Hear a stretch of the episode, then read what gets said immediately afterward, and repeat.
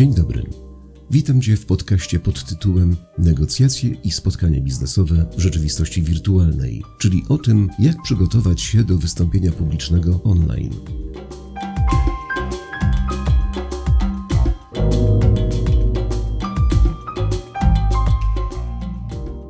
Jest to pierwsza z trzech części audycji na ten temat. W tej części dowiesz się, jaki jest powód wybrania tego tematu i dlaczego o tym mówię. Dowiesz się także, czy prowadzenie webinaru, konferencji, rozmowy, dyskusji czy spotkania biznesowego w rzeczywistości online jest wystąpieniem publicznym. A na zakończenie dowiesz się, co polecam do przeczytania na temat wystąpień publicznych.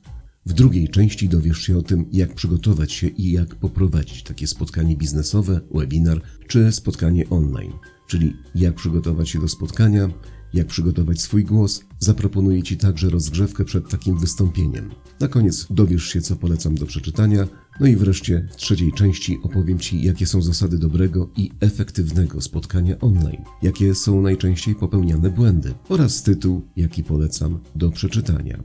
I to tyle tytułem wstępu. A teraz zapraszam Cię do wysłuchania tej audycji.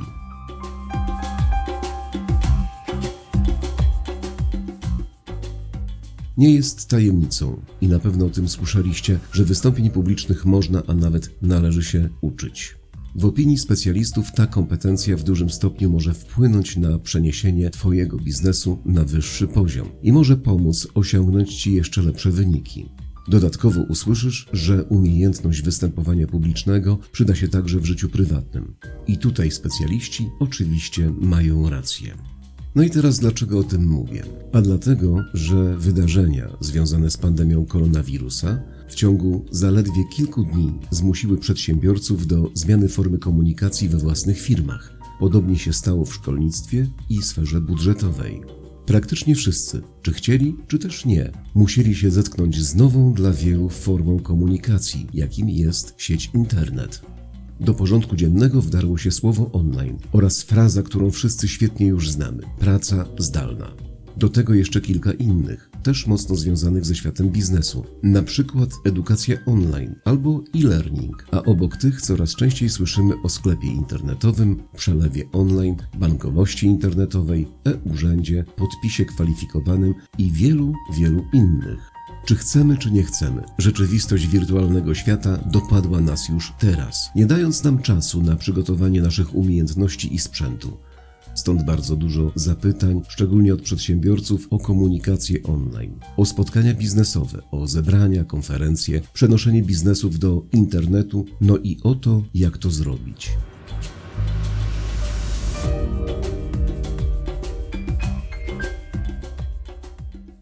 Dlaczego zajmuję się tym tematem? Ponieważ od ponad 20 lat zajmuję się dykcją i emisją głosu oraz wystąpieniami publicznymi. Swoje pierwsze kroki związane z emisją głosu i dykcją stawiałem w szkole muzycznej, w klasie śpiewu klasycznego. Tam też dowiedziałem się o tym, że aby głos brzmiał, trzeba go poznać, a potem ćwiczyć, ćwiczyć i ćwiczyć. A gdy już swój głos wyćwiczymy i nauczymy się mówić, to dalej trzeba ćwiczyć, ćwiczyć i ćwiczyć.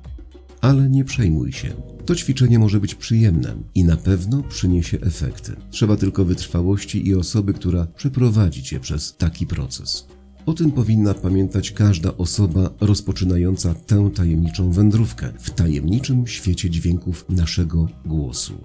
Tutaj szybko wspomnę moich nauczycieli, którzy wprowadzili mnie w ten świat świadomego używania głosu.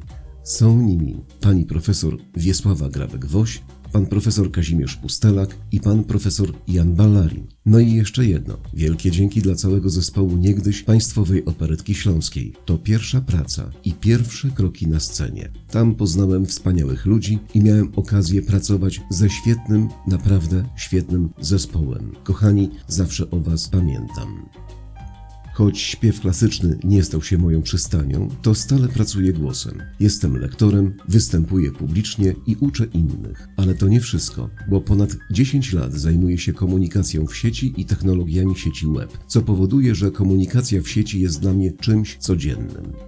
No właśnie, łącząc teraz te dwie kompetencje, warto sobie zadać pytanie, czy prowadzenie webinaru, konferencji, rozmowy, dyskusji czy spotkania biznesowego w rzeczywistości internetu są wystąpieniem publicznym.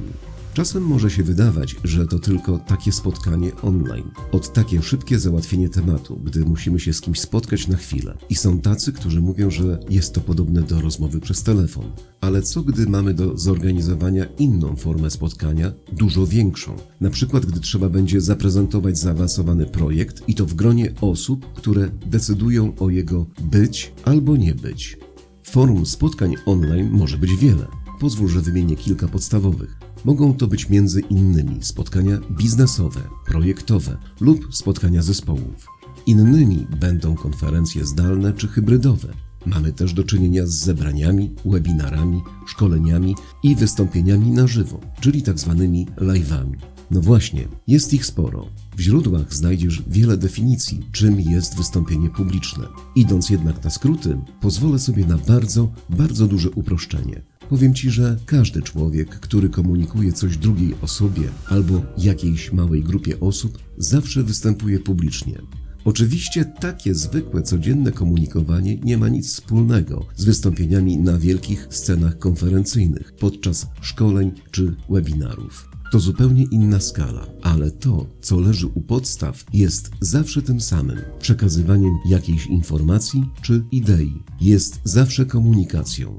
Dlatego odpowiedź na wcześniej postawione pytanie brzmi tak. A jeżeli tak jest, to konsekwencją tego jest fakt, że do tej komunikacji po prostu trzeba się przygotować. Sztuka wystąpień publicznych wymaga nauki, przygotowania i ćwiczeń. Oczywiście większość występujących ma tego świadomość, bo każdy profesjonalny mówca ma swój sposób i pewnego rodzaju szablon, aby się świetnie przygotować, aby tak poprowadzić spotkanie, by słuchacze z zaciekawieniem i wypiekami na twarzy otrzymali wartość, na którą oczekują. Czy to jest trudny proces? Tak, to trudny proces, choć odpowiedź na to pytanie zawsze będzie indywidualną sprawą wszystkich, którzy chcą się nauczyć lub taką naukę już podjęli.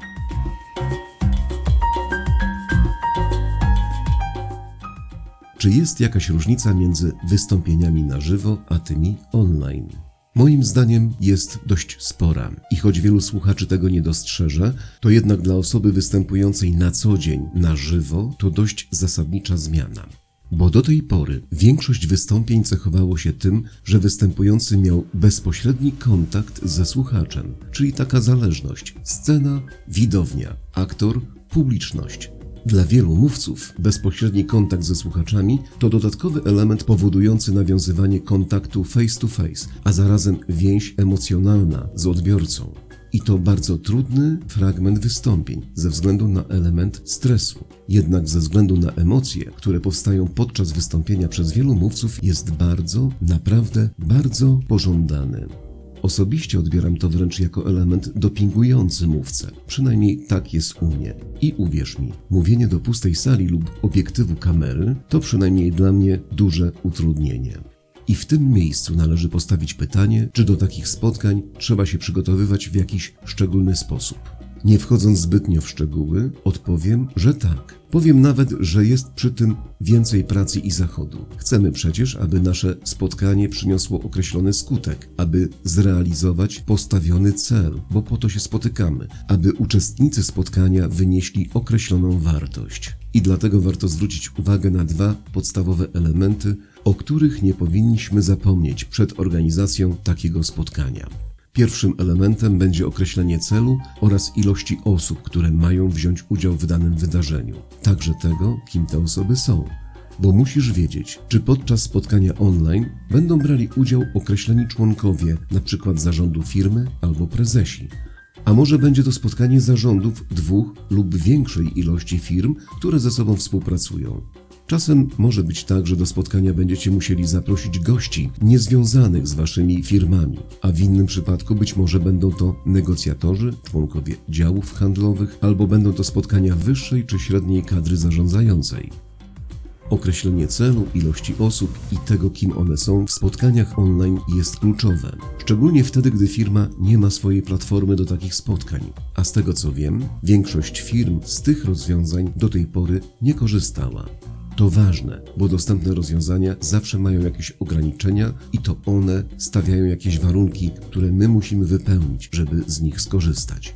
Kolejnym elementem będą zasoby, jakie będą potrzebne do zorganizowania spotkania wraz z całą logistyką, czyli ludzie, zasoby techniczne, sprzęt teleinformatyczny, pomieszczenia przygotowane do spotkań online, dostęp do firmowych danych oraz zapewnienie bezpieczeństwa, bo w wielu spotkaniach tematy, które będą poruszane, muszą zostać poufne.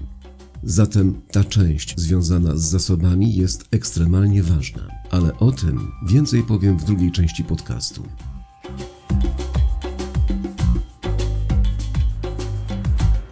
Teraz książka, którą polecam do przeczytania wszystkim zainteresowanym sztuką mówienia.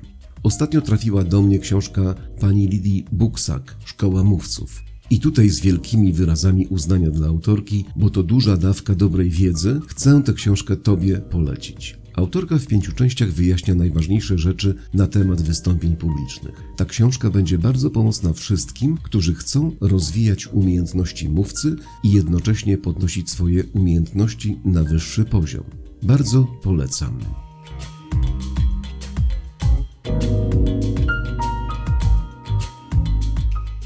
Dziękuję, że wytrwałeś do końca. Do usłyszenia.